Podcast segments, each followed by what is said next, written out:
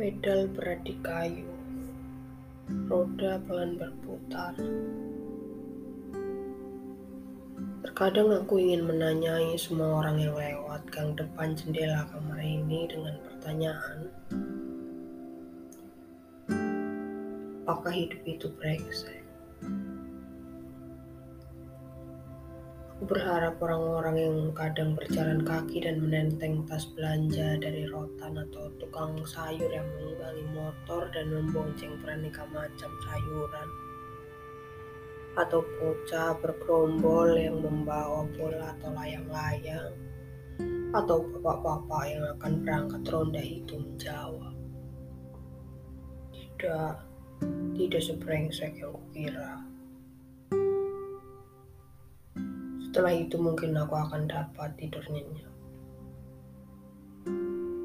Tidak seperti sekarang ini. Sudah berjam-jam aku tidur telentang menghadap langit-langit. Mataku cuma berkeliling pada pinggiran plafon, dudukan lampu, dan retak-retak di sisi atas dinding. Sudah ratusan kali aku memperbaiki tarikan nafas Berkali-kali aku hirup udara lebih banyak, menahannya beberapa detik dan melepaskannya perlahan. Memang membuatku merasa lebih baik, tapi hanya beberapa menit saja. Sudah sekian kali ku coba pejamkan mata. Siapa tahu dengan cara ini aku bisa lebih dekat dengan kantor. Siapa tahu, begitu pikirku sampai kepalaku penuh dan dadaku sesak. Bukan kantuk yang datang ke sana, melainkan sesuatu dari masa lalu yang tidak ingin aku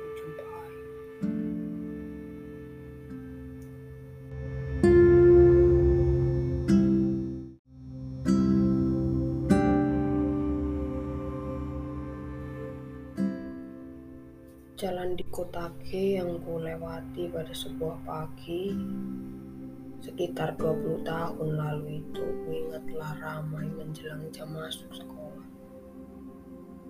Tidak lebih dari 15 menit lagi kenapa pukul 7. Gerbang sekolahku sebentar lagi akan segera ditutup. Siswa yang melewatinya lebih dari jam 7 bakal mendapat sanksi kau biasanya akan diceramahi oleh guru PP. Memang sih tidak lama, tapi sungguh sangat membosankan.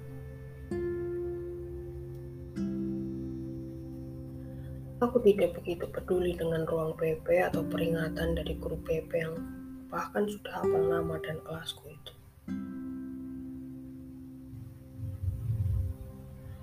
Ibu guru itu mungkin sudah agak bosan padaku. Jika menemukanku kembali dalam barisan anak-anak yang terlambat, beliau hanya akan menarik salah satu ujung bibirnya, lalu menggeleng pelan. Apa yang terjadi pagi ini? Apakah kau telat bangun atau ban sepedamu kempes lagi.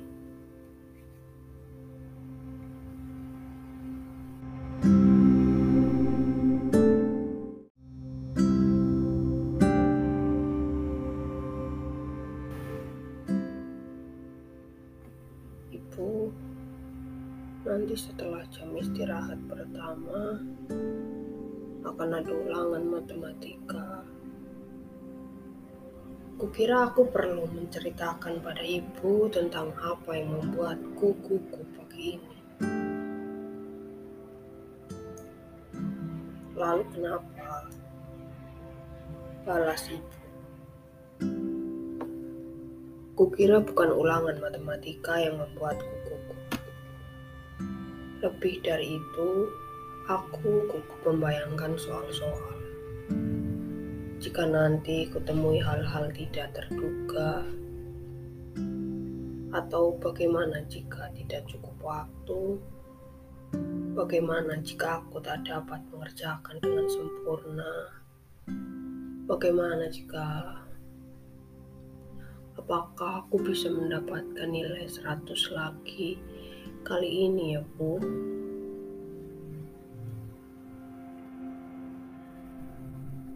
Sementara yang terdengar hanya kue pedal,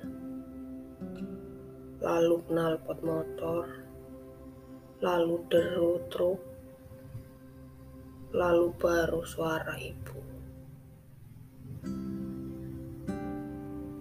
Kau tak harus selalu dapat seratus, share.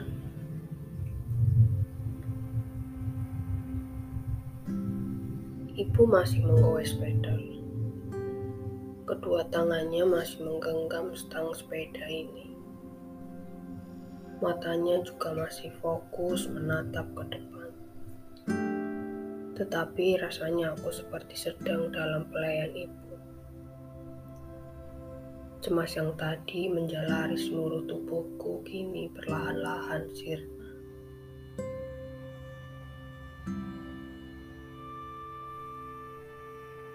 Kerjakan saja sebaik-baiknya, Sher.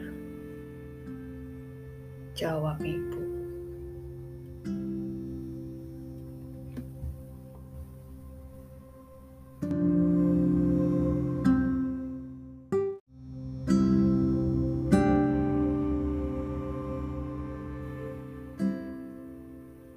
Bangunan SD negeri di kota G itu nampak dari kejauhan. Terlihat pula beberapa anak berbaris di depan gerbangnya yang sudah ditutup. Dan aku cuma ingin di sini saja sekarang. Tidak ke mana pun. Apalagi sekolah yang membosankan itu. Aku tidak peduli dengan hukuman atau terlambat masuk kelas atau apa pun itu. Yang aku inginkan sekarang adalah terus memeluk pinggang ibu seperti ini. Duduk sedekat ini. Mengulur beberapa menit yang hanya datang pada saat pagi. Sebelum pekerjaan mencurinya dariku sepanjang hari. Sebelum kelelahan menumbangkannya di malam hari.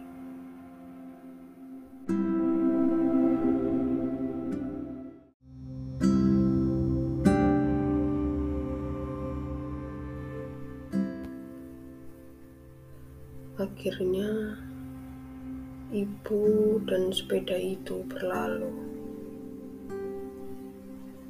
Sepeda itu belum jauh membawa ibu. Masih kulihat dengan jelas bagaimana roda-roda itu berputar begitu lamban. Padahal pedal-pedal di kayu begitu berat. Kata ibu suatu malam yang tidak mungkin aku lupakan ketika aku merengek padanya. Tak ada pilihan lain, Chef. Tidak ada.